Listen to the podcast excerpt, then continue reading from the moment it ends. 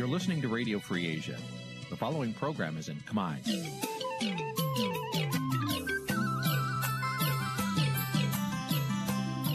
នេះជាកម្មវិធីផ្សាយ Vuthu Azizi Serai នេះជាកម្មវិធីផ្សាយរបស់ Vuthu Azizi Serai ជាភាសាខ្មែរ Vuthu Azizi Serai សូមស្វាគមន៍លោកអ្នកនាងទាំងអស់ពីរដ្ឋធានី Washington នៃសហរដ្ឋអាមេរិក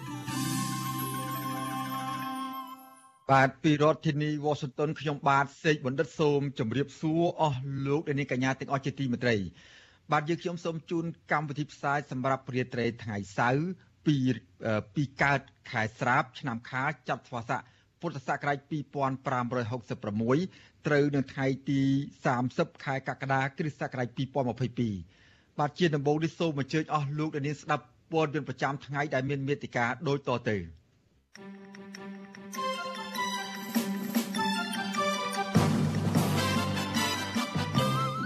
គណៈបណ្ឌនយោបាយនិងសង្គមស៊ីវិលថាគម្រោងក្រសួងយុទ្ធភ័ពចង់ពន្យល់រឿងការកែប្រែរដ្ឋធម្មនុញ្ញគឺអត់ប្រយោជន៍ពលរដ្ឋរងផលប៉ះពាល់ដីធ្លីនៅអាកាសយានដ្ឋានភ្នំពេញថ្មីមិនទាន់ទទួលបានដំណោះស្រាយក្រមគ្រួសារជនរងគ្រោះត្រូវជួនចិត្តចិនព្រួតវាយមិនទាន់ទទួលបានយុត្តិធម៌ សត្វព្រៃរស់នៅក្នុងតំបន់ព្រៃភ្នំតាម៉ៅកំពុងប្រឈមនឹងហានិភ័យរួមនឹងព័ត៌មានផ្សេងផ្សេងមួយចំនួនទៀត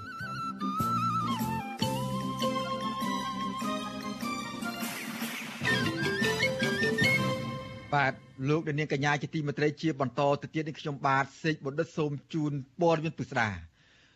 បាទលោកនាងកញ្ញាជាទីមេត្រីមេដឹកនាំគណៈបកនយោបាយមន្ត្រីសង្គមស៊ីវិលនិងអ្នកវិភាគសង្គមរិះគន់ថា ការពន្យល់ណាមួយរបស់ក្រសួងយុទ្ធភ័ពពីការកែប្រែរដ្ឋធម្មនុញ្ញគឺហួសពេលបាត់ទៅហើយបាទប្រតិកម្មរបស់ពួកគាត់បែបនេះក្រោយពេលដែលសភាឯកបកបានអនុម័តសេចក្តីព្រាងច្បាប់ធម្មនុញ្ញរួចទៅហើយក៏ប៉ុន្តែក្រសួងយុទ្ធភ័ពទើបចេញលិខិតអញ្ជើញគណៈបកនយោបាយ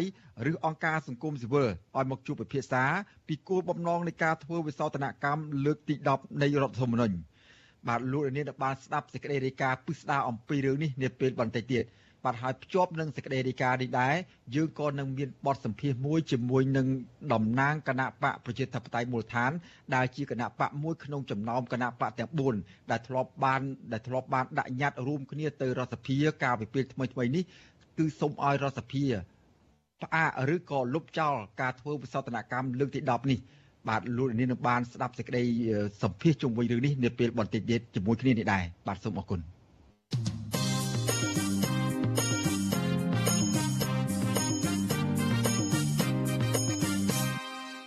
បាទលោកនាងកញ្ញាជាទីមេត្រីលោកនាងកំពុងតាមដានស្ដាប់ការផ្សាយរបស់វិទ្យុអសីសេរីពីរដ្ឋធានី Washington សហរដ្ឋអាមេរិកបាទក្រុមអ្នកវិភាគលើកឡើងថានីតិហ៊ានរបបលោកហ៊ុនសែនគ្មានភាពអព្យាក្រឹតនឹងការពៀតែគ្រួសារក្រនឹងការពៀតែក្រុមគ្រួសារតកោហ៊ុនបាទការរីគុណនេះធ្វើឡើងបន្ទាប់ពីនីតិហ៊ានទាំងនោះបានបដិញ្ញាចិត្តបង្ក្រាបលើអ្នកដែលមានបំណងចង់ផ្ដួលរំលំរដ្ឋាភិបាលឯកបក បាទពីរដ្ឋធានី Washington លោកជាតិចំណានរាយការណ៍ជុំវិញព័ត៌មាននេះក្រុមអ្នកវិភាគលើកឡើងថាមេតិហ៊ានដែលរណបលោកហ៊ុនសែនកំពុងបង្រៀនកងទ័ពឲ្យការពារគ្រួសារលោកនិងបពពួកដោយយកលេសថាដើម្បីពង្រឹងស្មារតីក្នុងការបំពេញភារកិច្ចការពារបុព្វហេតុជាតិមាតុភូមិរក្សាសន្តិសុខសណ្ដាប់ធ្នាប់និងស្ថិរភាពសង្គមការរិះគន់នេះកើតឡើងបន្ទាប់ពីបញ្ជាការដ្ឋានកងទ័ពអាកាសបានបើកវគ្គបំពន់ផ្នែកចិត្តសាស្ត្រដល់កងទ័ពអាកាសចំនួនជាង100នាក់ ក្នុងរយៈពេល4ថ្ងៃដែលបានបញ្ចប់កាលពីថ្ងៃទី29ខែកក្កដាកន្លងទៅព័ត៌មានក្នុងស្រុកបានដកស្រង់សម្ដីមេបញ្ជាការរងកងឧទ្ធម្ភាគចក្រលោកគង់សារឿនថាការអប់រំផ្នែកចិត្តសាស្ត្រសម្រាប់កងទ័ពគឺជាកិច្ចការសំខាន់ក្នុងការពង្រឹងស្មារតីរបស់កងទ័ពឲ្យអនុវត្តទូនាទីភារកិច្ចរបស់ខ្លួនជាពិសេសគឺការបដិញ្ញាចិត្តការពីរដ្ឋាភិបាលពីការផ្ដួលរំលំរបស់ក្រុមប្រឆាំងអតីតមន្ត្រីជាន់ខ្ពស់គណៈបកសង្គ្រោះជាតិលោកអ៊ុំសំអាន ប្រាប់វិសុវស៊ីស្រីនៅថ្ងៃទី30ខែកក្កដាថាកងទ័ពមានទូនាទីបម្រើការពារមាតុភូមិពីការឈ្លានពានជាពិសេសនៅតាមបន្ទាត់ព្រំដែនព្រមទាំងការពារប្រជាជនឲ្យមានសុខសុវត្ថិភាពនិងមានស្ថិរភាពក្នុងប្រទេសផ្ទុយទៅវិញលោកមើលឃើញថារដ្ឋាភិបាលឯកបកមួយនេះកំពុងតាក់ទាញឲ្យកងទ័ពការពារខ្លួននឹងបកពួកដោយសារតែពួកគេបារម្ភពីការបាត់បង់អំណាចតែប៉ុណ្ណោះលោកបន្តថាលោកហ៊ុនសែន កំពុងព្រួយបារម្ភពីការបាត់អំណាចដែលរូបលោកនិងបពពួកកំពុងក្តាប់ក្តាប់ថាអាចនឹងរសាត់ឆ្ងាយពីដៃម្ដងបន្តិចម្ដងបន្តិចបន្ទាប់ពីបានឃើញស្ថានភាពពលរដ្ឋប្រទេសស្រីលង្កាបណ្ដេញនាយករដ្ឋមន្ត្រីចេញពីប្រទេសលោកបន្តថាលោកហ៊ុនសែនចាប់ផ្ដើមភ័យខ្លាចបាត់បង់អំណាចរបស់ខ្លួនដោយសារតែប្រជាជនខ្មែរចាប់ផ្ដើមមានការយល់ដឹងនិងជិះចាប់នៅរឿងអយុត្តិធម៌ដែលកើតឡើងក្នុងសង្គម មានការរំលោភសិទ្ធិមនុស្សចំនួនដីធ្លីនិងអំពើពុករលួយអញ្ចឹងទៅធ្វើឲ្យកុំគូសាតកោហ៊ុននឹងមានការព្រួយបារម្ភអញ្ចឹងបានបញ្ជាឲ្យមេតបនឹងអប់រំផ្លូវចិត្តទៅដល់កងទ័ពនោះការពារក្រុមគូសាតកោហ៊ុននឹងឯងតែពិតកងទ័ពនឹងខ្ញុំថាអញ្ចឹងមានការរំដាប់ប្រកិច្ចដើម្បីការពារទៅក្រុមគូសាតកោហ៊ុននេះកងទ័ពមានភារកិច្ចដើម្បីការពារទឹកដីការពារព្រំដែនការពារប្រជាពលរដ្ឋត្រូវស្ថិតនៅជាប្រជាក្រិតស្រដៀងគ្នានេះដែរអ្នកវិភាគនយោបាយលោកកឹមសុខ ចាត់ទុកសកម្មភាពរបស់មេបញ្ជាការរងកងអូថំទេសចៈរូបនេះថាជាការកំទេចកម្លាំងអព្យាក្រឹតដោយមានការដឹកនាំពីកូនចៅលោកហ៊ុនសែននិងបកពួកលោកថាបកកណ្ដាលអំណាចធ្វើបែបនេះព្រោះពួកគេខ្លាចកងទ័ពអព្យាក្រឹតនិងរួបរวมជាមួយនឹងប្រជាជនប្រឆាំងទៅនឹងការដឹកនាំដោយភាពអយុត្តិធម៌របស់រដ្ឋាភិបាលសពថ្ងៃលោកបន្តថាមេដឹកនាំផ្ដាច់ការរូបនេះបារម្ភពីការមិនពេញចិត្តរបស់មន្ត្រីនៅក្នុងជួរបក និងនៅក្នុងជួរកងទ័ពពីការផ្ទេរអំណាចបែបផ្លូវកាត់របស់លោកទៅកាន់លោកហ៊ុនម៉ាណែតដើម្បីបន្តអំណាចគ្រួសារត្រកូលហ៊ុនដោយក្តីបារម្ភទាំងនេះទើបលោកខ្លួនឯងរួមទាំងកូនកូននិងបពពួកកំពុងរៀបចំផែនការកំទេចកងទ័ពដែលមានអព្យាក្រឹតភាពដែលមានបំណងចង់ផ្ដួលរំលំរដ្ឋាភិបាលពួកគេមិនមែនមិនដឹងថាការប្រកាសបែបនេះ ទុយអំពីតួនាទីកងទ័ពនោះទេក៏ប៉ុន្តែ គឺជាវិធីតែមួយគត់ដើម្បីទប់ស្កាត់ចរន្តនៃការទៀមទាយុតិធម៌របស់ប្រជាពលរដ្ឋហើយក៏ជាល្បិចល្បែងតែមួយគត់ដែរក្នុងការរក្សាអំណាចគ្រួសារហ៊ុនពីហានិភ័យនៃការដួលរលំដោយសារតែកម្លាំងកងទ័ពអព្យាក្រឹតជារឿយៗនៅក្នុងពិធីបិទវគ្គបណ្ដុះបណ្ដាលយោធាម្ដងម្ដង ក្រុមមេទាហានដែលអែបអបក្រុមគ្រួសារលោកហ៊ុនសែនតែងតែប្រាប់ដល់នាយទាហាននាយទាហានរងនិងពលទាហានឲ្យការពីរដ្ឋាភិបាលដឹកនាំដោយលោកហ៊ុនសែនជាដាច់ខាតទោះក្នុងតម្លៃណាក៏ដោយលើពីនេះអគ្គមេបញ្ជាការរងនៃកងយុទ្ធពលខេមរៈភូមិន្ទនិងជាមេបញ្ជាការកងទ័ពជើងគោកលោកហ៊ុនម៉ាណែតក៏តែងតែប្រាប់ឲ្យកងទ័ពការពីរបបដឹកនាំដោយឪពុករបស់លោកនិងប្រឆាំងតបតចំពោះសកម្មភាពរបស់សកម្មជននិងថ្នាក់ដឹកនាំគណៈបកសង្គ្រោះជាតិនៅក្រៅប្រទេស ដែលលោកចោទថារំលោភច្បាប់និងចង់បំផ្លាញជាតិចាប់តាំងពីក្រោយការបោះឆ្នោតជាតិឆ្នាំ2013មកគេសង្កេតឃើញមេបញ្ជាការកងទ័ពជាច្រើនរូបបានចេញមុខស្បត់ស្បាយការពារលោកនាយករដ្ឋមន្ត្រីហ៊ុនសែននិងក្រុមគ្រួសាររបស់លោកជាបន្តបន្ទាប់ទោះជាយ៉ាងណាអ្នកវិភាគនិងអ្នកខ្លាំមើលសង្គមអះអាងថាទង្វើរបស់មន្ត្រីកម្ពុជាកម្ពុជាក្នុងជួរកងទ័ពបែបនេះគឺជាការបំពានច្បាប់និងខូចតម្លៃហើយនិន្នាការបែបនេះគឺជាការប្រមូលផ្ដុំអំណាចរបស់ក្រុមគ្រួសារលោកហ៊ុនសែន និងជាការប្រែក្លាយកម្ពុជាឲ្យទៅជាប្រទេសទាយាទស្នងត្រកូលបែបយោធានិយមទៅវិញខ្ញុំបានជាចំណាន Visual Assisray ពីរដ្ឋធានី Washington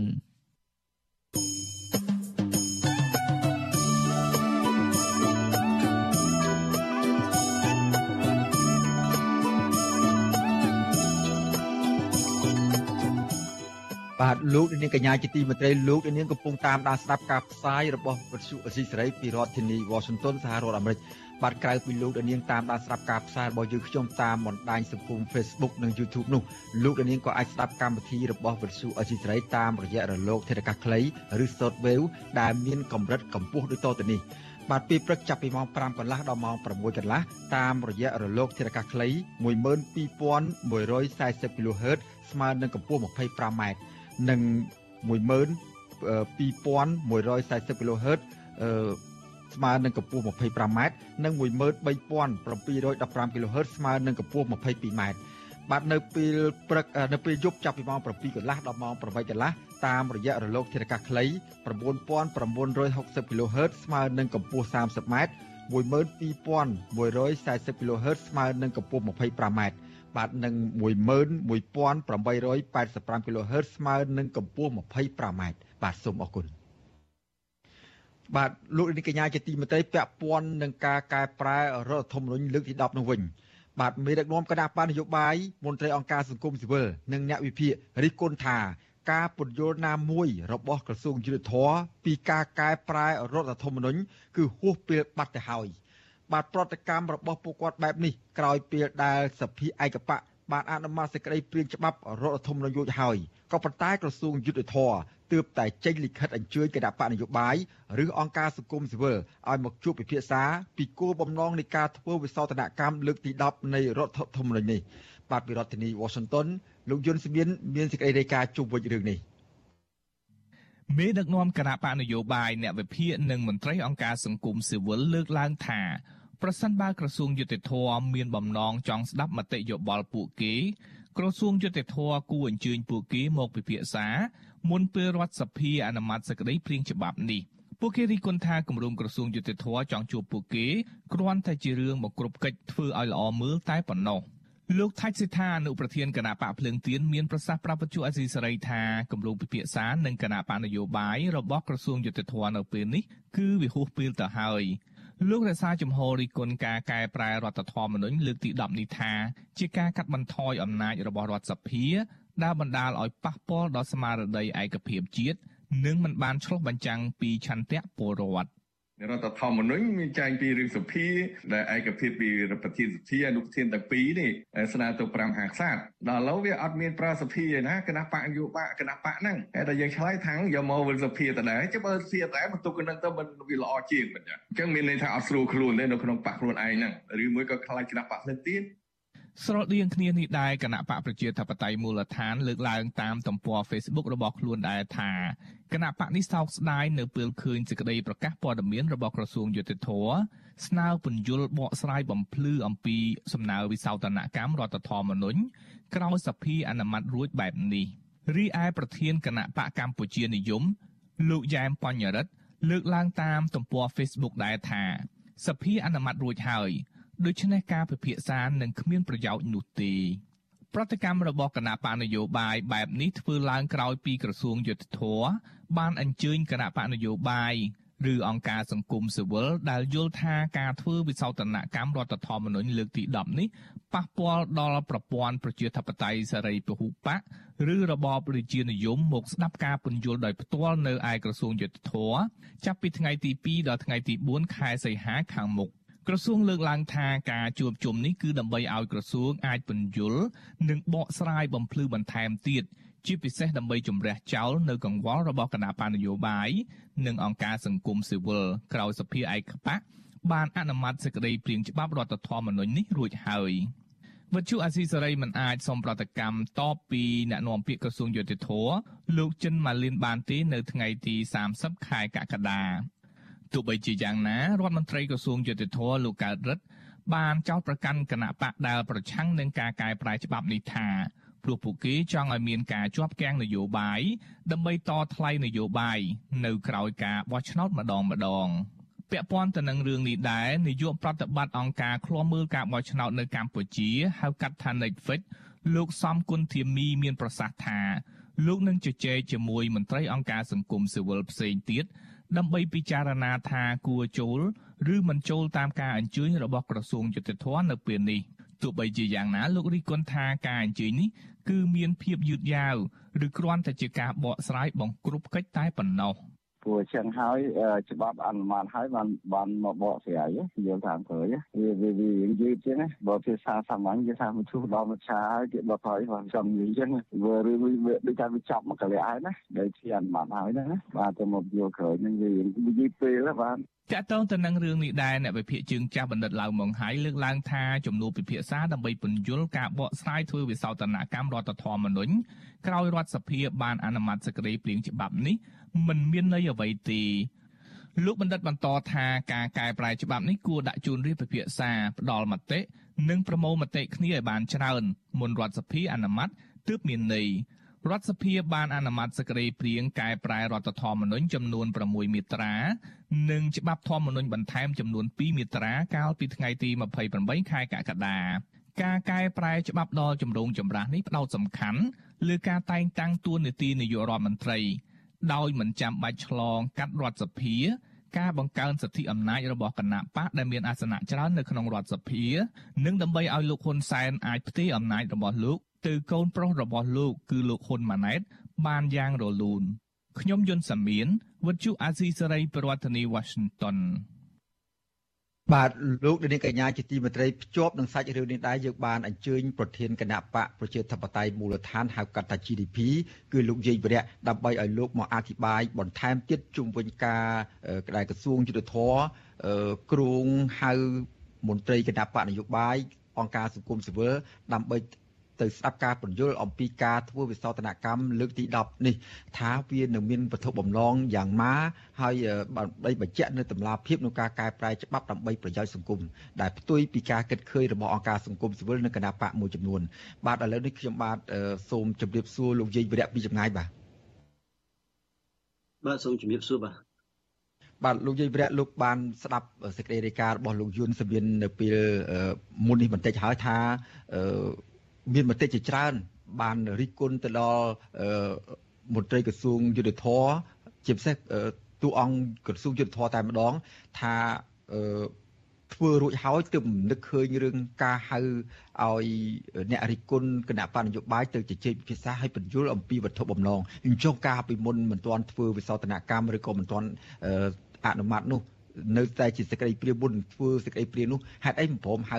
អ្នកពាក់ព័ន្ធប្រជាពលរដ្ឋសង្គមស៊ីវិលគណៈបណ្ឌនយោបាយនឹងទៅពិភាក្សាមុននឹងធ្វើច្បាប់អ្វីមួយនោះចំពោះបញ្ហានេះលោកយល់យ៉ាងម៉េចដែរបាទបាទសូមអរគុណលោកសិបណ្ឌិតបាទនិយាយទៅគណៈបកប្រជាធិបតេយ្យមូលដ្ឋានក៏មានការសោកស្ដាយដែរដែលបានឃើញប្រកាសសេចក្តីប្រកាសរបស់ក្រសួងយុទ្ធភ័ពបាទហើយយើងក៏គិតថាវាជា ការយឺតពេលដែរដែលថាអឺច្បាប់ស្ដីអំពីការធ្វើវិសោធនកម្មរដ្ឋធម្មនុញ្ញលើកទី10នេះត្រូវបានសភាអនុម័តទៅហើយបាទអឺការពិតទៅការជួបសម្ដែងសម្ដាលពីគ្រោះយោបល់បាទអឺទៅលើសេចក្តីព្រៀងច្បាប់ក្នុងនោះមានច្បាប់ធម្មនុញ្ញអីជាដើមនេះក៏បីធ្វើនៅដំណាក់កាលមុន បញ្ជូនទៅសភាអានេះនៅក្នុងដំណាក់កាលដែលសេចក្តីព្រៀងច្បាប់ហ្នឹងព្រៀងឡើងដោយខាងរាជរដ្ឋាភិបាលបាទអាចថាក្រសួងយុទ្ធភ័ពជាអ្នកឈានមុខក្នុងការដឹកនាំធ្វើសេចក្តីព្រៀងច្បាប់ហ្នឹងបាទហើយការពិគ្រោះយោបល់នេះក៏អាចនឹងធ្វើនៅដំណាក់កាលនៅសភាទៅទៀតមានន័យថាគណៈកម្មការសភាអាច នឹងអញ្ជើញជាពិសេសគណៈកម្មការទី6បាទគណៈកម្មការនីតិកម្មអាចអញ្ជើញគណៈបកនិងសង្គមស៊ីវិលបាទទៅទៅទៅជួបហើយនឹងមានការបំភ្លឺគ្នាមានការបកស្រាយអីបាទសោកស្ដាយគឺថាអត់មានការជួបពិភាក្សាពិគ្រោះយោបល់នៅមុនការអនុម័តច្បាប់ទេហើយហើយឥឡូវនេះច្បាប់ធម្មនុញ្ញ ស្ដីពីច្បាប់ធម្មនុញ្ញស្ដីពីការធ្វើវិសោធនកម្ម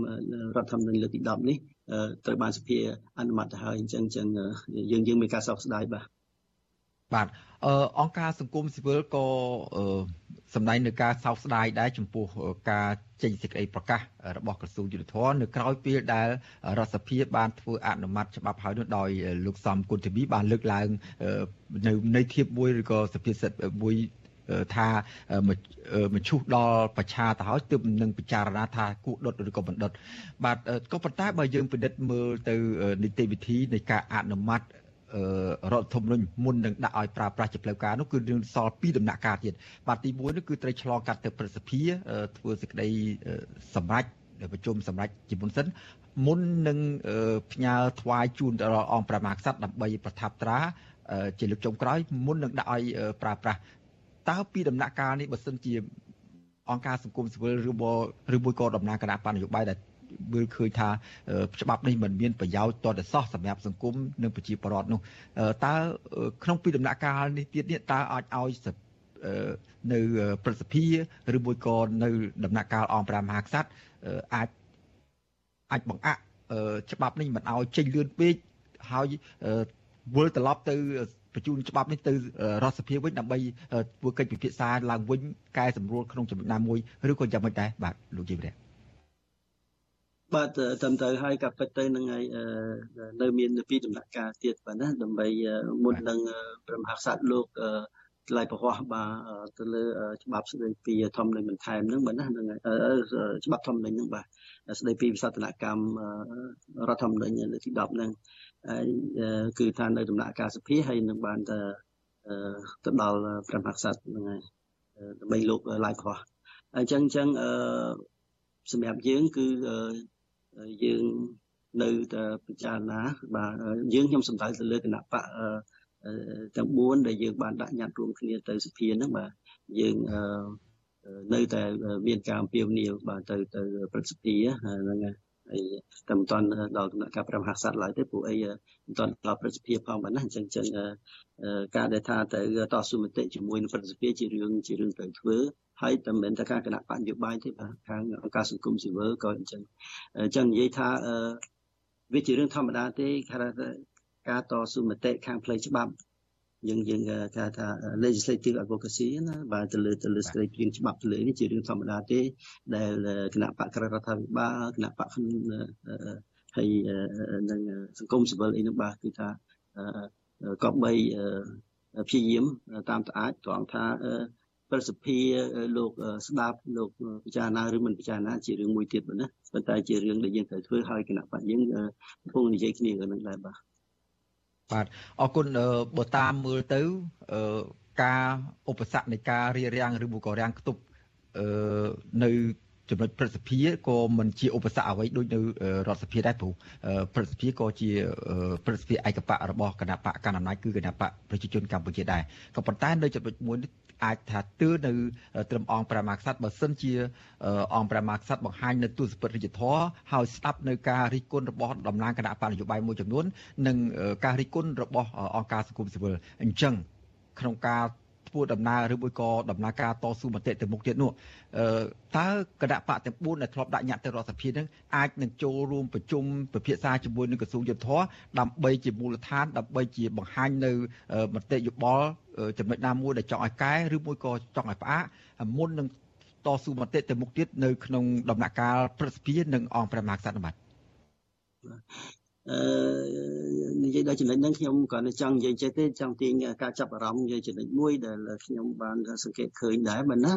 ថាមែនមែនទៅអឺខ្ញុំបានសង្កេតឃើញក្រមប្រសាធម្មនិញបានកោះប្រជុំដូចជាភ្លាមបន្ទាប់ពីគណៈរដ្ឋមន្ត្រីប្រជុំស្នើនៅធ្វើស្ដីព្រៀងច្បាប់ហ្នឹងបានអនុម័តស្ដីព្រៀងច្បាប់ហ្នឹងដើម្បីបញ្ជូនទៅសភាហ្នឹងហើយហើយឃើញ ក្រុមប្រឹក្សាធម្មនុញ្ញប្រជុំបាទភ្លាមអឺដើម្បីថ្វាយទៅយោបល់ទៅព្រះមហាក្សត្របាទទៅលើសេចក្តីព្រៀងច្បាប់ធម្មនុញ្ញហ្នឹងបាទហើយចឹងទៅធ្វើឲ្យខ្ញុំភ្ញាក់ផ្អើលដែរថាអូសភាមិនទាន់អនុម័ត បើមិនទាន់ចេញពីធ្លាក់ដៃពីសភាផងសភាសភាមិនទាន់ទៅនៅក្នុងថានៅលើស្តុកគណៈកម្មការចិនត្រៃឬអីផងបាទសភាផងសភាមិនទាន់អនុម័តសេចក្តីព្រាងច្បាប់នឹងផងស្រាប់តែដែលក្រមប្រសាធម្មនុញ្ញប្រជុំគ្នាហើយថ្វាយដែលយោបល់ព្រះមហាក្សត្រថាបាទអូខេបាទអាចអាចឲ្យប្រផានណាអញ្ចឹងអញ្ចឹងកន្លែងនោះមួយដែលខ្ញុំរៀងដូចជា រៀងឆ្កងបន្តិចបាទណាបាទបាទអឺដូចសុភាសិតខ្មែរមួយតែនិយាយថាកូនកើតមុនឪខែរះឆ្លងផ្លូវកូនកើតមុនឪពោះតាដើរលេងហាក់បីដូចជាប្រច្រាស់ហើយឬមួយក៏វាលឿនពុះហួសពីការរំពឹងទុករបស់អង្គការសង្គមស៊ីវិលនិងប្រជាពលរដ្ឋនិងអ្នកជំនាញច្បាប់មួយចំនួនអញ្ចឹងត្រឡប់មកចំហរបស់គណៈបកប្រជាធិបតេយ្យឬមួយក៏អាចឆ្លុះបញ្ចាំងថាគណៈបក4ទៀតនឹងចូលទៅស្ដាប់ការបញ្យល់របស់ក្រសួងយុទ្ធភ័ពឬក៏មិនចូលបាទ និយាយទៅអឺយើងយើងបានដាក់ញត្តិហើយហើយហើយយើងក៏បានស្ដាប់ការបកស្រាយបំភ្លឺរបស់រដ្ឋមន្ត្រីក្រសួងយុទ្ធភ័ពនៅក្នុងសភាដែរបាទគាត់បានយកញត្តិយើងទៅអានទៅអីហ្នឹងបកបកស្រាយអស់ហើយអញ្ចឹងដូចជាបានលើកវាអស់ហើយហើយសេចក្តីប្រកាសព័ត៌មានហ្នឹងដូចជាសម្រាប់គណៈបកទូទៅដែរទេ ហើយក្នុងនឹងទាំងអង្គការសង្គមស៊ីវិលដែរតែសម្រាប់ពួកយើងគឺអត់មានហេតុផលអីទៅស្ដាប់ពីទៀតទេព្រោះថាដែលច្បាប់ធម្មនុញ្ញស្ដីពីវិសោធនកម្មលើកទី10ហ្នឹងត្រូវបានសភាអនុម័តរួចទៅហើយបាទអញ្ចឹងវាវា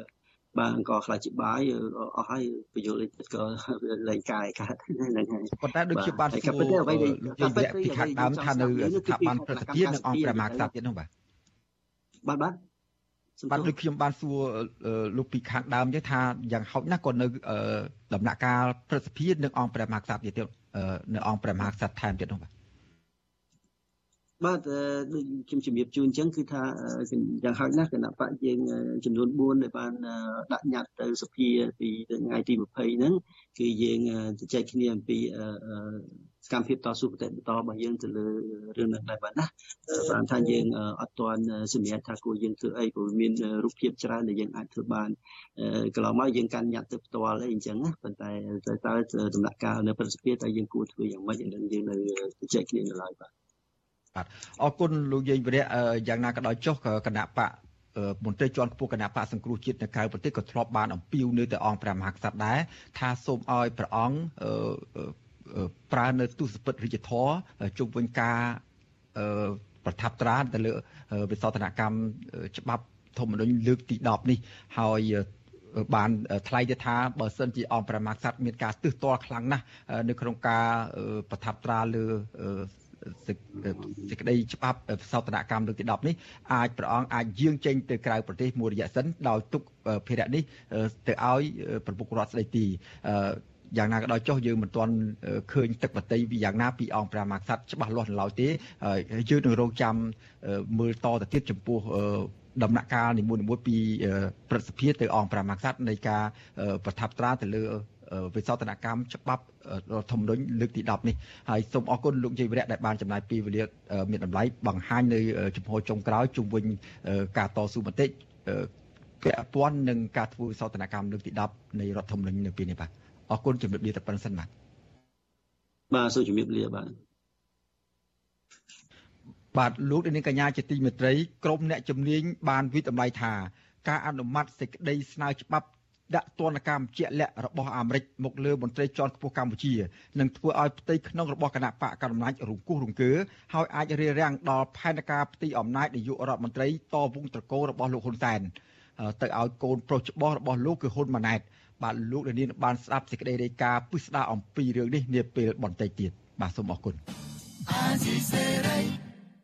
បាទអ្នកជំនាញខាងកសិកម្មអះអាងថាវិបត្តិសកលនានាពេលបច្ចុប្បន្នមិនមែនជាបញ្ហាប្រឈមឬប៉ះពាល់ដល់វិស័យកសិកម្មកម្ពុជានោះទេ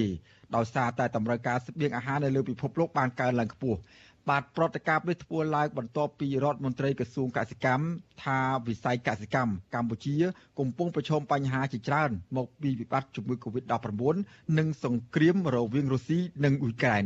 បាទលោកយ៉ងច័ន្ទរារាយការណ៍ពិស្ដារជំវិញព័ត៌មាននេះអ្នកជំនាញលើកឡើងថាស្ថានភាពពិភពលោកត្រូវការស្បៀងអាហារផ្គត់ផ្គង់បែបនេះគួរណាស់តែតម្លៃទិន្នផលកសិកម្មនិងទីផ្សារនាំចេញល្អប្រសើរជាងនេះហើយមន្ត្រីរដ្ឋាភិបាល មិនត្រូវឆ្លើយយករួចខ្លួនបែបនេះទេពួកគេលើកឡើងទៀតថាបញ្ហាទាំងនេះគ្មានដំណោះស្រាយយូរឆ្នាំមកហើយដោយមិនមែនកើតឡើងអំឡុងពេលវិបត្តិជំងឺ Covid-19 និងសង្គ្រាមឈ្លានពានរបស់រុស្ស៊ីលើប្រទេសអ៊ុយក្រែននោះទេអ្នកជំនាញនឹងជាអតីតមន្ត្រីក្រសួងកសិកម្មលោកនីណាមានប្រសាសន៍ថាវិបត្តិជំងឺ Covid-19 និងសង្គ្រាមឈ្លានពានរបស់រុស្ស៊ីលើប្រទេសអ៊ុយក្រែនមិនមែនជាមូលហេតុពិតប្រាកដដែលធ្វើឲ្យប៉ះពាល់ដល់តម្លៃកសិផលនៅក្នុងស្រុក និងទីផ្សារនាំចេញទៅក្រៅប្រទេសនោះទេពីព្រោះបច្ចុប្បន្ននេះពិភពលោកកំពុងត្រូវការស្បៀងអាហារជាចាំបាច់ខណៈប្រទេសជិតខាងកំពុងសកម្មនៅក្នុងការនាំចេញផលិតផលកសិកម្មទៅផ្គត់ផ្គង់ទីផ្សារអន្តរជាតិដើម្បីជួយដល់កសិករនិងសេដ្ឋកិច្ចជាតិរបស់ពួកគេដូច្នេះលោកយល់ថាវិបត្តិសកលនៅពេលនេះផលស្រូវអង្ករនិងដំណាំរបស់កសិករគួរតែត្រូវប៉ាន់ជាងមុនទើបជាហេតុផលត្រឹមត្រូវទោះជាយ៉ាងណាលោកនីណាក់សង្កេតឃើញថាបញ្ហាទាំងនេះ គឺដោយសារតែមន្ត្រីក្រសួងកសិកម្មអសមត្ថភាពនៅក្នុងការរកមធ្យោបាយដោះស្រាយសំណើរបស់កសិករហើយពួកគេតែងតែបកស្រាយយករួចខ្លួនដោយគ្មានភ័ស្តុតាងសំអាងច្បាស់លាស់ឡើយ។ ការបដិញ្ញាចិត្តរបស់រដ្ឋាភិបាលគឺតែងតែផ្សព្វផ្សាយថារដ្ឋាភិបាលមានគម្រោងនាំចេញឲ្យបានប្រមាណលានតោនក្នុងមួយឆ្នាំអញ្ចឹងគួរណាស់តែជាឱកាសធំសម្រាប់កសិករខ្មែរចាប់យកឱកាសនេះក្នុងការបង្កបង្កើនឲ្យបានច្រើនជួយស្ដារសេដ្ឋកិច្ចប្រទេសជាតិប៉ុន្តែបែរជារដ្ឋមន្ត្រីក៏ដូចជាស្ថាប័នពាក់ព័ន្ធគឺបែរជាយកតែហេតុផលនឹងមកដោះសារអត់មានដំណោះស្រាយជូនប្រជាកសិករឲ្យបានសមស្របសោះតំណាងកសិករសហគមន៍សាមគ្គីជែកមាសខេត្តស្វាយរៀង លោកស្រីយូសុភ័ណ្ឌប្រាប់វិទ្យុអាស៊ីសេរីថាបច្ចុប្បន្នជីវភាពរបស់ប្រជាកសិករកំពុងលំបាកលំបិនដោយសារផលដំណាំរបស់កសិករលក់បានថោកនិងទីផ្សារពឹងផ្អែកតែទៅលើឈ្មួញមកពីប្រទេសវៀតណាម ស្របពេលថ្លៃប្រេងសាំងជីនិងថ្នាំកសិកម្មហក់ឡើងថ្លៃខ្លាំងដែលធ្វើឲ្យកសិករមិនសេសសល់ប្រាក់សម្រាប់ទូទាត់បំណុលបានទេ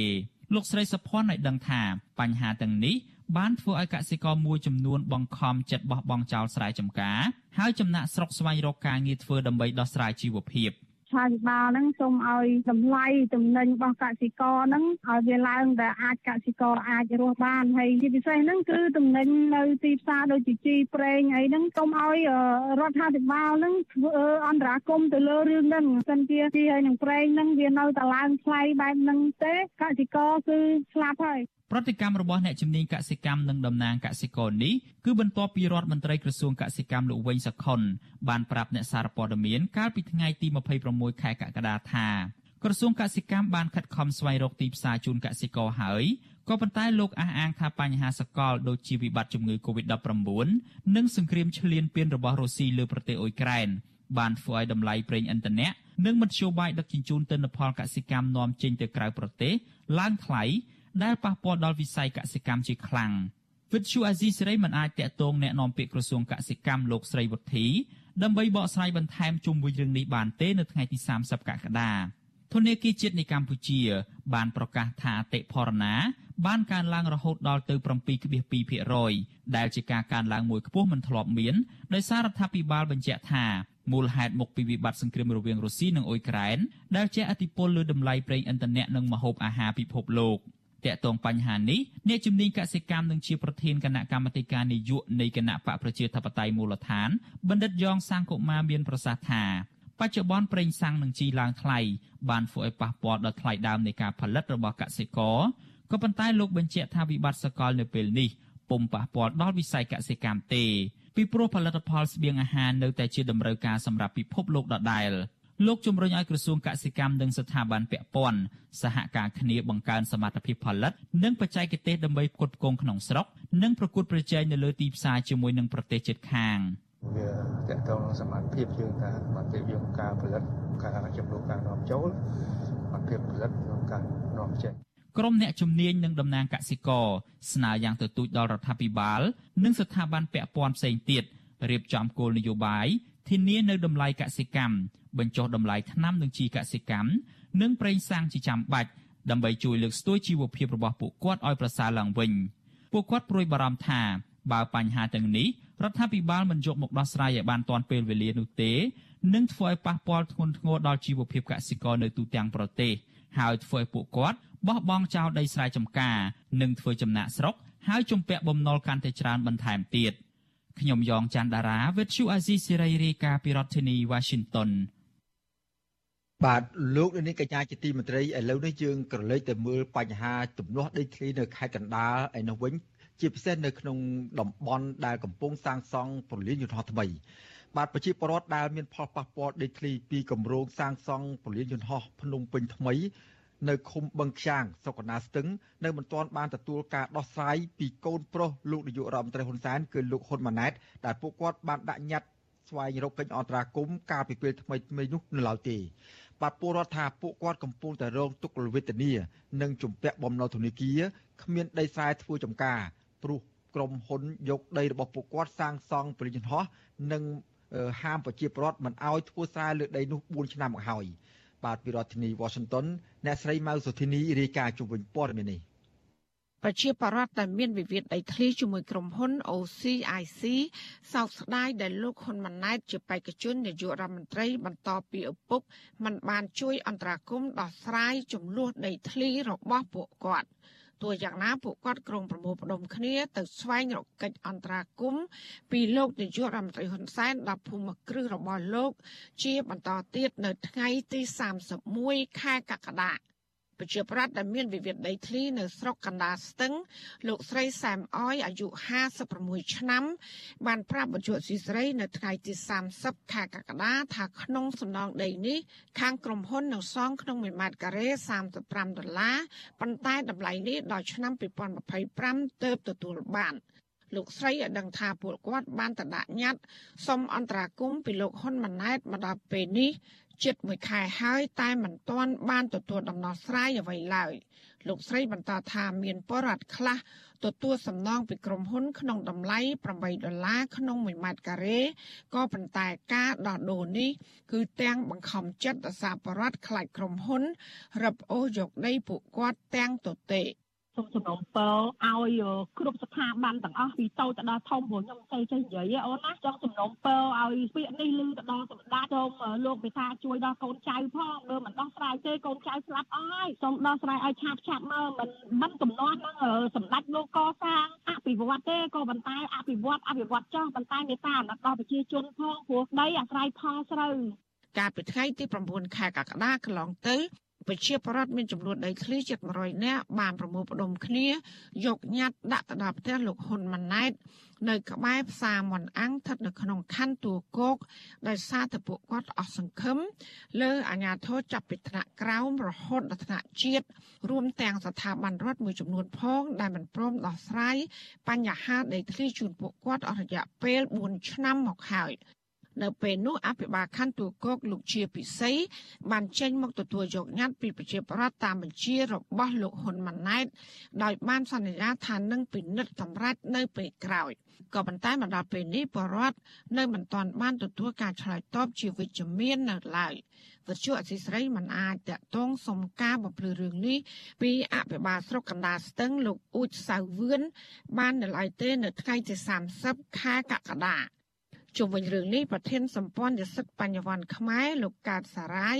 លើកឡើងថាបញ្ហាដីធ្លីនៅពលានយន្តហោះភ្នំពេញថ្មី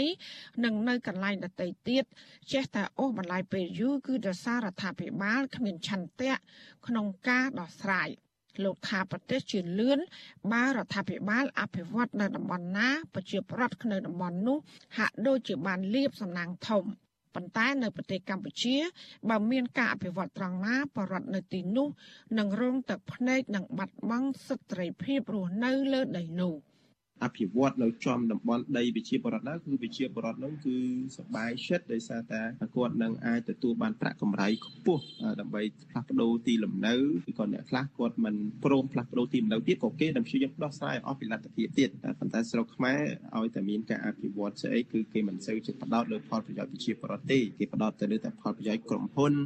ដែលជាអ្នកមកអភិវឌ្ឍ ប្រជាប្រដ្ឋតូនតែថាអាញាធរបានហាមឃាត់មិនឲ្យប្រដ្ឋចូលទៅចិត្តតំបន់សាងសង់ពលានយន្តហោះភ្នំពេញថ្មីហើយពួកគាត់ខកខានក្នុងការបង្កបង្កើនផលលើដីរបស់ខ្លួនអស់រយៈពេល4ឆ្នាំមកហើយ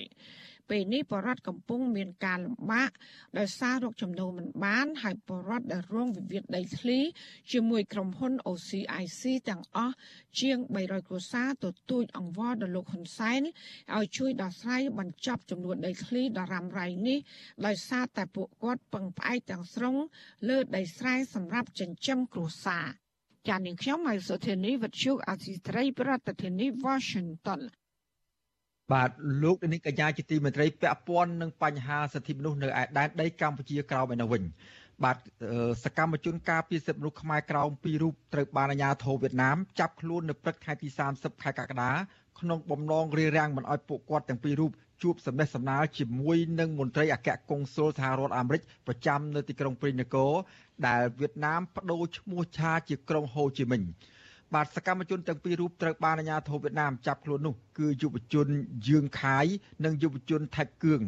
យុវជនខ្មែរក្រមទាំងពីរនាក់គឺជាអ្នកចេញមុខតវ៉ាយ៉ាងសកម្មនៅក្នុងការតស៊ូមតិដោយអហិង្សាដើម្បីឲ្យរដ្ឋាភិបាលវៀតណាមគោរពសិទ្ធិមូលដ្ឋានរបស់ប្រជាពលរដ្ឋខ្មែរក្រមដែលជាម្ចាស់ស្រុកបាទបទសុសំលេងកម្ពុជាក្រោមហៅកាត់ថា VOKK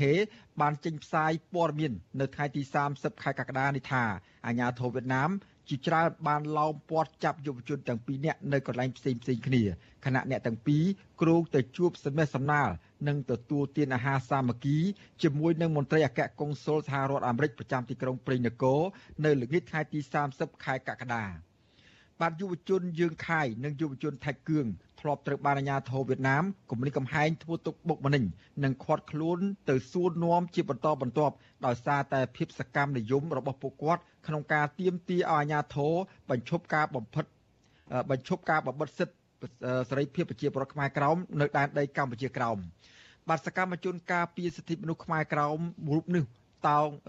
បាទសកម្មជនការពារសិទ្ធិខ្មែរក្រោមមួយរូបគឺលោកតោហ្វាជឿង បានផ្ញើសារតាមវិទ្យុសំឡេងកម្ពុជាក្រោមដោយអំពាវនាវទៅដល់សហគមន៍អន្តរជាតិជាពិសេសអង្គការសហប្រជាជាតិឲ្យជួយអន្តរាគមន៍ទៅអាជ្ញាធរវៀតណាមឲ្យដោះលែងយុវជនទាំងពីរនាក់នោះឡើងវិញ។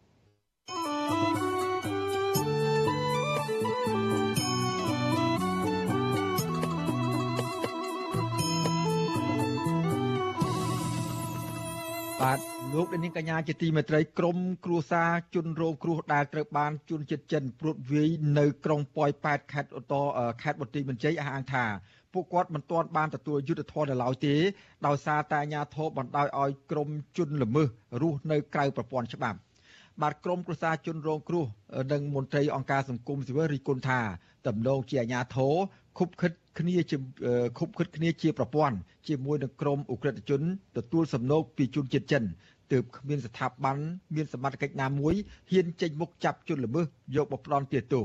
បាទពីរដ្ឋធានីវ៉ាស៊ីនតោនលោកយ៉ងច័ន្ទតារាមានសេចក្តីរាយការណ៍មួយទៀតជុំវិញព័ត៌មាននេះសាច់ញាតិជនរងគ្រោះរស់នៅក្រុងប៉ោយប៉ែតដែលត្រូវជនជាតិចិនលើកគ្នាមកវាយធ្វើបាបដល់ផ្ទះរិះគន់ថាអាញាធរមិនបានអើពើនៅក្នុងការស៊ើបអង្កេតតាមចាប់ក្រុមជនល្មើសប្រដាប់អាវុធយកមកផ្ដន់ទោសឲ្យបានធ្ងន់ធ្ងរតាមច្បាប់នៅឡើយទេ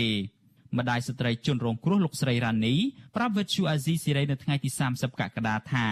គ្រួសារលោកស្រីនៅតែឈឺចាប់ចំពោះទង្វើជនជាតិចិនដែលលើកគ្នាមកព្រួតវាយកូនកូនរបស់លោកស្រីនាពេលកន្លងទៅលោកស្រីបញ្ជាក់ថាមកដល់ពេលនេះក្រុមជនល្មើសនៅតែរស់នៅមានសេរីភាពទោះបីជាអាជ្ញាធរបានដឹងពីទីតាំងពួកគេយ៉ាងណាក្តីក៏គ្មានសមត្ថកិច្ចណាហ៊ានចាប់ក្រុមជនដៃដល់ទាំងនោះដែរលើពីនេះទៅទៀតលោកស្រីថាក្រុមជនជាតិចិនដែលវាយធ្វើបាបកូនលោកស្រីនោះ តែងតែចាត់មេការជាជនជាតិខ្មែរដើម្បីឲ្យសហការជាមួយសមត្ថកិច្ចក្រុងប៉ោយប៉ែតបញ្ចុះបញ្ចូលក្រុមគ្រួសារលោកស្រីឲ្យដកពាក្យបណ្ដឹងដើម្បីទទួលយកសំណង។យើងចង់បានមនុស្សដើម្បីថាថ្ងៃក្រោយកុំឲ្យមនុស្សហ្នឹងវាធ្វើអញ្ចឹងទៀតណាបើយើងលុយយើងអត់គិតឃើញថាចង់បានលុយគេសេរីសវាយកលុយគេហើយគេរបៀបដូចថាយើងលក់កូនឯកូនគេវាយហើយយើងចង់បានលុយយើងអត់ចង់អញ្ចឹងណាលោកស្រីរ៉ានីចាត់ទុកទង្វើរបស់អាជ្ញាធរក្រុងប៉ោយប៉ែត ដែលតែងតែបង្ខំឲ្យគ្រួសារលោកស្រីទទួលយកសំណងកន្លងមកនេះថាមិនផ្ដល់តម្លៃឲ្យកូនកូនលោកស្រីដែលរងការវាយដំពីក្រុមជនល្មើសនោះឡើយលោកស្រីចង់ឃើញអាជ្ញាធរអនុវត្តច្បាប់ប្រកបដោយតម្លាភាពនិងយុត្តិធម៌ដោយចាប់ក្រុមជនល្មើសទាំងអស់យកមកដាក់ទោសឲ្យបានធ្ងន់ធ្ងរតាមច្បាប់កាលពីថ្ងៃទី2ខែមីនាកន្លងទៅជនជាតិចិនមួយក្រុមមានគ្នាជាង10នាក់និងក្រុមសន្តិសុខជាង20នាក់បានសម្រុកចូលផ្ទះលោកស្រីរ៉ានី ព្រួតវាយកូនលោកស្រីឈ្មោះសុភ័ក្រដាលីនហៅធីតានិងកូនប្រសាដែលជាម្ចាស់ហាងកាត់សក់មួយកន្លែងនៅក្រុងប៉ោយប៉ែតលោកស្រីរ៉ានីថាដើមហេតុដំបូងក្រុមជនជាតិចិនទាំងនោះមានបំណងមកវាយជនជាតិថៃពីរនាក់ផ្សេងទៀតដែលមកចូលកាត់សក់នៅក្នុងហាងកូនលោកស្រីក៏ប៉ុន្តែជនជាតិថៃទាំងនោះបានរត់គេចខ្លួនហើយភ្លាមភ្លាមនោះក្រុមជនជាតិចិននិងក្រុមសន្តិសុខបានព្រួតគ្នាវាយកូនលោកស្រីឈ្មោះសុភ័ក្រដាលីនហៅធីតាទាំងកំរោល ព្រមទាំងបំផ្លាញទ្រព្យសម្បត្តិនៅក្នុងផ្ទះមួយចំនួនធំបើទោះបីជាកូនលោកស្រី បានបញ្យល់ប្រាប់ថានាងមិនដែលស្គាល់ឬមានទំនាក់ទំនងជាមួយនឹងជនជាតិថៃទាំងនោះយ៉ាងណាក្តីលោកស្រីរ៉ានីអះអាងទៀតថាក្រុមជនដៃដល់ទាំងនោះមានម្នាក់គឺជាជនជាតិចិនបានដកកំភ្លើងខ្លីភ្ជង់ក្បាលកូនលោកស្រីចំណែកជនជាតិចិននិងក្រុមសន្តិសុខផ្សេងទៀតមានដំបងឆក់ញញួរនិងបំពង់ដែកបានព្រួតវាយទាត់ធាក់កូនស្រីលោកស្រី និងកូនប្រសាបណ្ដាលឲ្យបែកក្បាលនិងបាក់ថ្គាមវិទ្យុអាស៊ីសេរីមិនអាចតាក់ទងស្នងការនគរបាលខេត្តបន្ទាយមានជ័យលោកសិតឡោះដើម្បីសាកសួរជុំវិញរឿងនេះបាននៅឡើយទេនៅថ្ងៃទី30កក្កដាចំណែកស្នងការរងនគរបាលខេត្តបន្ទាយមានជ័យទទួលបន្ទុកជនអន្តោប្រវេសន៍លោកអេងលីហួរវិញលោកបដិសេធមិនធ្វើអត្ថាធិប្បាយទេដោយលោកឆ្លើយថាកំពុងជាប់រវល់ប្រជុំទោះជាយ៉ាងណា ក្រោយមានហេតុការណ៍ជនជាតិចិនទាំងនោះលើកគ្នាទៅវាយកូនលោកស្រីរ៉ានីលោកអេងលីហួរធ្លាប់បានប្រាប់វិទ្យុអាស៊ីសេរីថាសមត្ថកិច្ចបានស៊ើបអង្កេតដោយមានតម្រុយមួយចំនួនដើម្បីតាមចាប់ខ្លួនជនល្មើសទាំងនោះយកមកផ្ដន្ទាទោសក៏ប៉ុន្តែមកទល់នឹងពេលនេះអាជ្ញាធរមិនទាន់បង្ហាញរបាយការណ៍ចុងក្រោយពាក់ព័ន្ធទៅនឹងការស៊ើបអង្កេតលើជនល្មើសទាំងនោះនៅឡើយទេក្រុមគ្រួសារជនរងគ្រោះឲ្យដឹងថា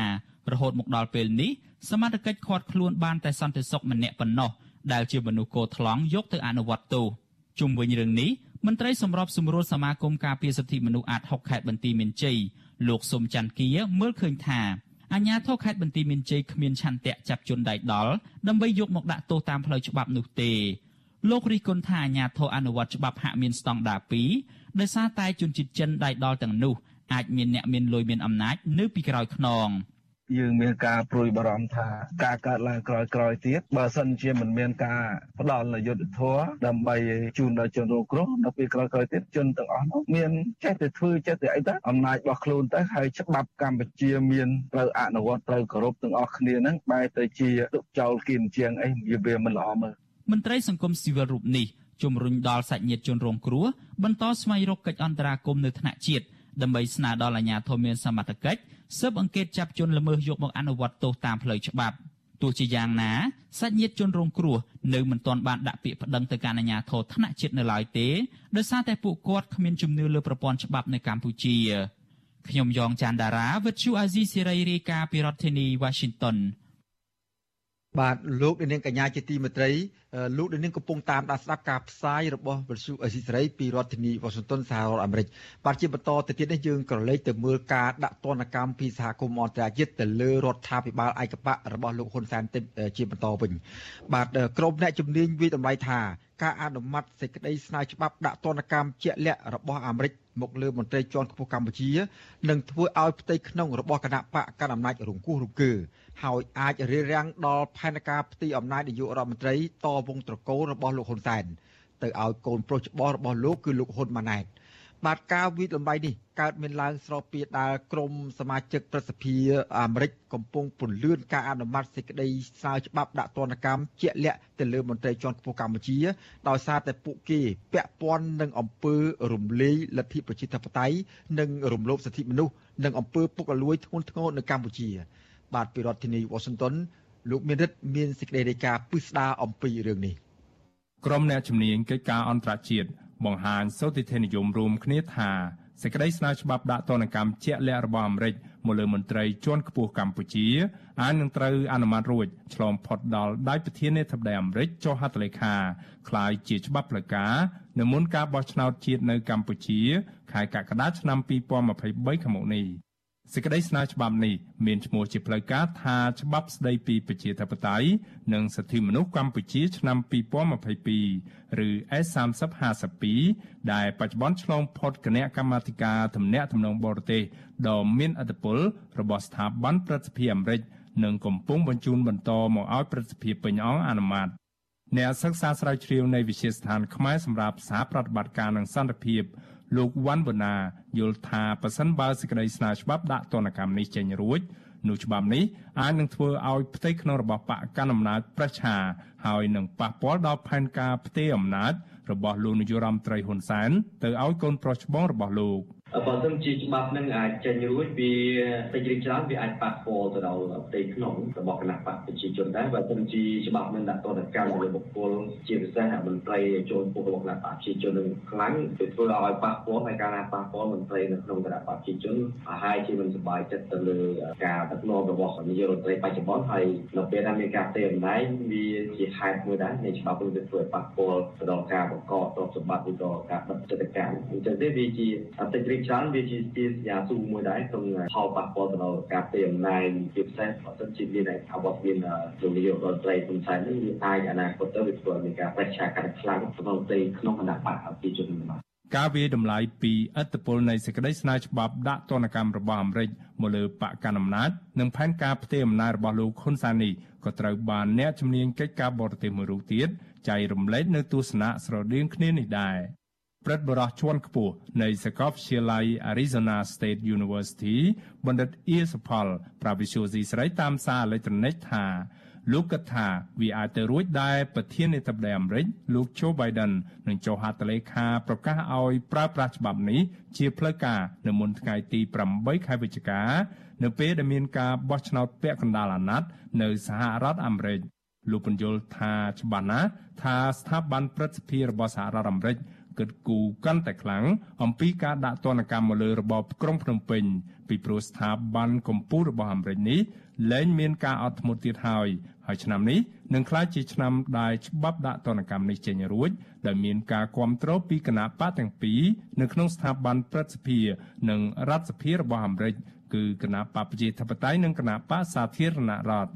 បណ្ឌិតអៀសផលវាតម្លៃថាប្រសិនបើសេចក្តីស្នើច្បាប់នេះចេញរួច នោះច្បាប់នេះនឹងផ្លាស់ប្ដូរនៅក្តីរំពឹងនានា អំពីការបន្តជីវិតរបស់របបដឹកនាំបច្ចុប្បន្ននៅកម្ពុជា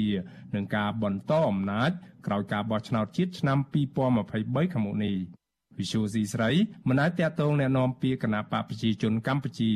លោកសុកអេសាន ដើម្បីសុំប្រតិកម្មតបជុំវិញការវិតម្លៃរបស់ក្រុមអ្នកជំនាញទាំងនេះបាននៅឡើយទេក៏ត្រឹមថ្ងៃទី27ខែកក្កដា ក៏ប៉ុន្តែកន្លងទៅភ្លាមភ្លាមក្រោយគណៈកម្មាធិការទំនាក់ទំនងបរទេសនៃស្ថាប័នព្រឹទ្ធសភាអាមេរិកបានសម្រេចបញ្ជូនសេចក្តីស្នើច្បាប់នេះទៅឲ្យព្រឹទ្ធសភាពេញអង្គរបស់អាមេរិកអនុម័តបន្តនោះស្ថាប័នព្រឹទ្ធសភាឯកបៈរបស់កម្ពុជា បានសម្ដែងការខកចិត្តយ៉ាងខ្លាំងដែលចោទថាការអនុម័តរបស់គណៈកម្មាធិការទំនាក់ទំនងបរទេសនៃព្រឹទ្ធសភារបស់អាមេរិកនេះ ថាគឺជាការជ្រៀតជ្រែកចូលកិច្ចការផ្ទៃក្នុងរបស់កម្ពុជា ដែលជារដ្ឋអធិបតេយ្យនឹងធ្វើឲ្យរាំងស្ទះដល់ការថែរក្សាសន្តិភាព ស្ថិរភាពនយោបាយនិងការអភិវឌ្ឍសេដ្ឋកិច្ចសង្គមនៅកម្ពុជាទូយ៉ាងណាក្រុមអ្នកជំនាញមួយចំនួនមិនយល់ស្របតាមការចោទប្រកាន់របស់ស្ថាប័នព្រឹទ្ធសភាឯកបៈនៅកម្ពុជានេះទេពួកគេថាប៉ះសិនបើគ្មានការរំលាយលទ្ធិប្រជាធិបតេយ្យនិងការរំលោភសិទ្ធិមនុស្សនៅកម្ពុជានោះទេ នោះសាររដ្ឋអាមេរិកក៏ទំនងជាមិនងាយនឹងធ្វើច្បាប់ដាក់ទណ្ឌកម្មជាក់លាក់មកលើមន្ត្រីកម្ពុជាដូចនេះដែរក្រៅពីនេះបញ្ហាដែលកម្ពុជា បង្ហាញជំហរមិនច្បាស់លាស់ជុំវិញការរក្សាអព្យាក្រឹតនៅក្នុងគោលនយោបាយការបរទេសជាពិសេសការលំអៀងទៅរកប្រទេសចិនកុម្មុយនីសខ្លាំងក៏បានរួមចំណែកជំរុញឲ្យស្ថាប័នស្នើច្បាប់របស់អាមេរិកគិតគូរពន្លឿនអំពីដំណើរការនៃការអនុម័តសេចក្តីស្នើច្បាប់ដាក់ទណ្ឌកម្មនេះឲ្យកាន់តែឆាប់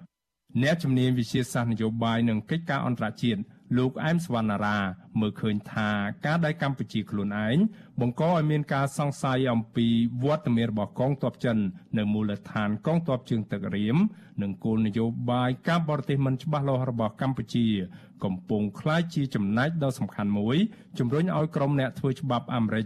បង្កើនល្បឿននៃការអនុម័តសេចក្តីស្នើច្បាប់ដាក់ទណ្ឌកម្មនេះដោយសារតែចំពោះនយោបាយកម្ពុជាកម្ពុជានឹងហាក់ដូចជានៅពេជ្រពលយើងមិនឈរកដាលពិតប្រាកដទ្រឹស្ដីឬក៏គោលនយោបាយកម្ពុជាកម្ពុជាឬនៅក្នុងច្បាប់កម្ពុជាដែលចុះសន្ធិសញ្ញាអនុសញ្ញាជាមួយអន្តរជាតិយើងបង្កើតថាយើងអព្យាក្រឹតប៉ុន្តែអេរិយាប័ត្រនយោបាយឬក៏អកប្បកិរិយានយោបាយរបស់យើងនេះយើងលំអៀងទៅខាងចិនទី1ទី2ដែលយើងមានសង្ស័យរឿងបញ្ហានៅក្នុងសមុទ្រពាក់ព័ន្ធនឹងរៀមហើយរៀមយើងនឹងដែលត្រូវគេសង្ស័យថាមានអាចទៅកឲ្យចិនអីប្រើប្រាស់កងទ័ពចិនបាទដោយឡែកចំណែកមួយទៀតដែលសំខាន់ដែលធ្វើឲ្យច្បាប់នេះអាចដើរទៅមុខលឿននឹងគឺពលរដ្ឋកម្ពុជាដែលនៅក្រៅប្រទេសមានការជជែកឬក៏ជំរុញទៅសមាជិកប្រតិភិសហរដ្ឋអាមេរិក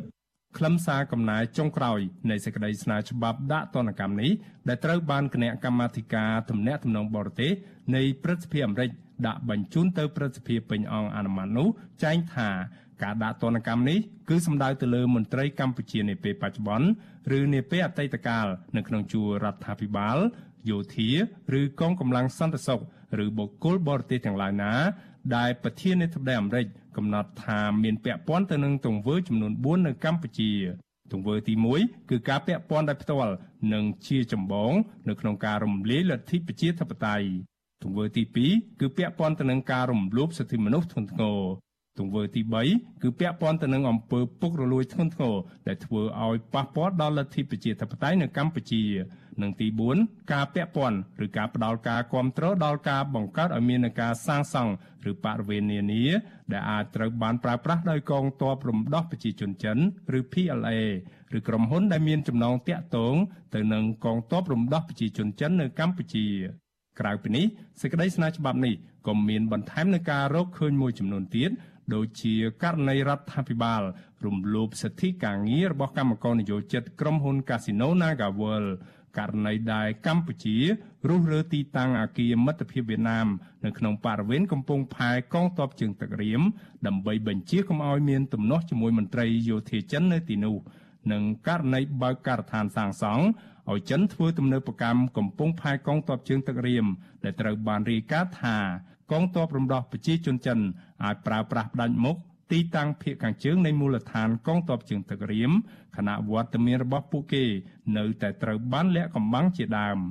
សេចក្តីស្នើច្បាប់ដាក់ទណ្ឌកម្មដដែលនេះក៏មានបន្ថែមនៅកថាខណ្ឌមួយចំនួនទៀតដែលតម្រូវឲ្យកម្ពុជា បញ្ឈប់ជាបន្ទាន់នៅរាល់ការផ្ដាល់ការគ្រប់គ្រងណាមួយដល់របបផ្ដាច់ការដែលធ្វើឲ្យទុនខ្សោយដល់សកម្មជនប្រជាធិបតេយ្យនៅក្នុងតំបន់ ជាពិសេសតាក់ទងជាមួយនឹងក្រមយោធាភូមិ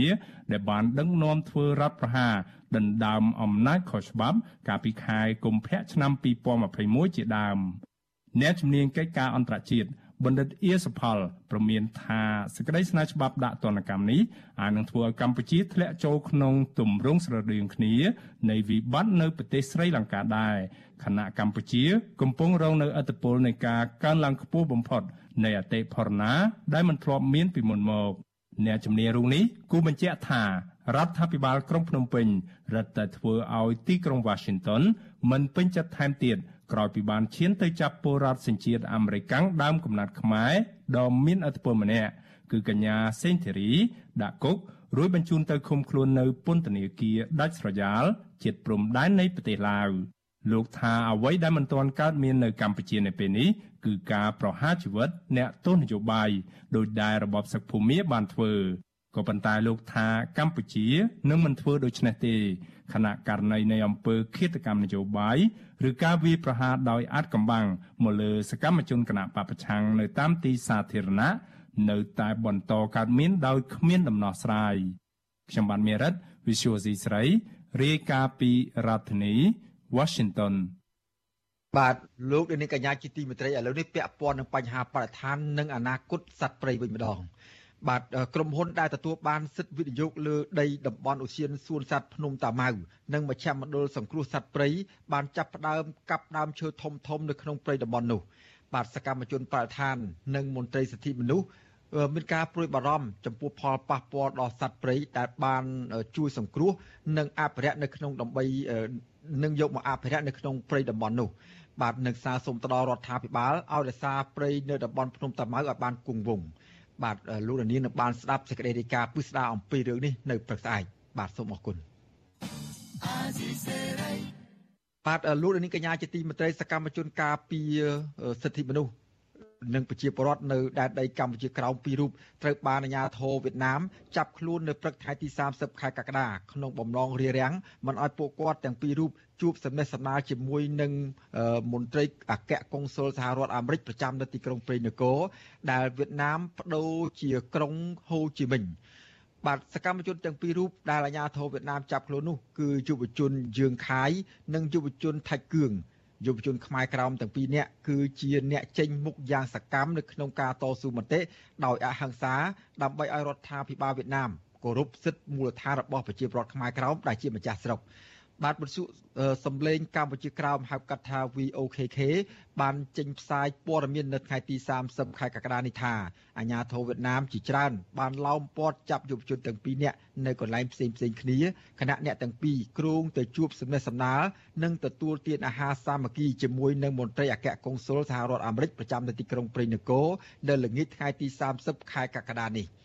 បាទយុវជនយើងខាយនិងយុវជនថៃគឿងធ្លាប់ត្រូវបានអាជ្ញាធរវៀតណាមគំរាមកំហែងធ្វើទុកបុកម្នេញនិងឃាត់ខ្លួនទៅសួរនាំជាបន្តបន្ទាប់ដោយសារតែភាពសកម្មនិយមរបស់ពួកគាត់ក្នុងការទាមទារឲ្យអាជ្ញាធរបញ្ឈប់ការបំបិទសិទ្ធិប្រជាពលរដ្ឋខ្មែរក្រោមនៅដែនដីកម្ពុជាក្រោមនោះបាទសកម្មជនការពារសិទ្ធិខ្មែរក្រោមរូបនេះ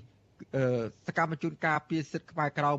មួយរូបគឺលោកតោហ្វាងជឿងបានផ្ញើសារតាមវិទ្យុសម្លេងកម្ពុជាក្រោមដោយអំពាវនាវទៅដល់សហគមន៍អន្តរជាតិជាពិសេសអង្គការសហប្រជាជាតិឲ្យជួយអន្តរាគមន៍ទៅអាជ្ញាធរវៀតណាមឲ្យដោះលែងយុវជនទាំងពីរនោះឡើងវិញ។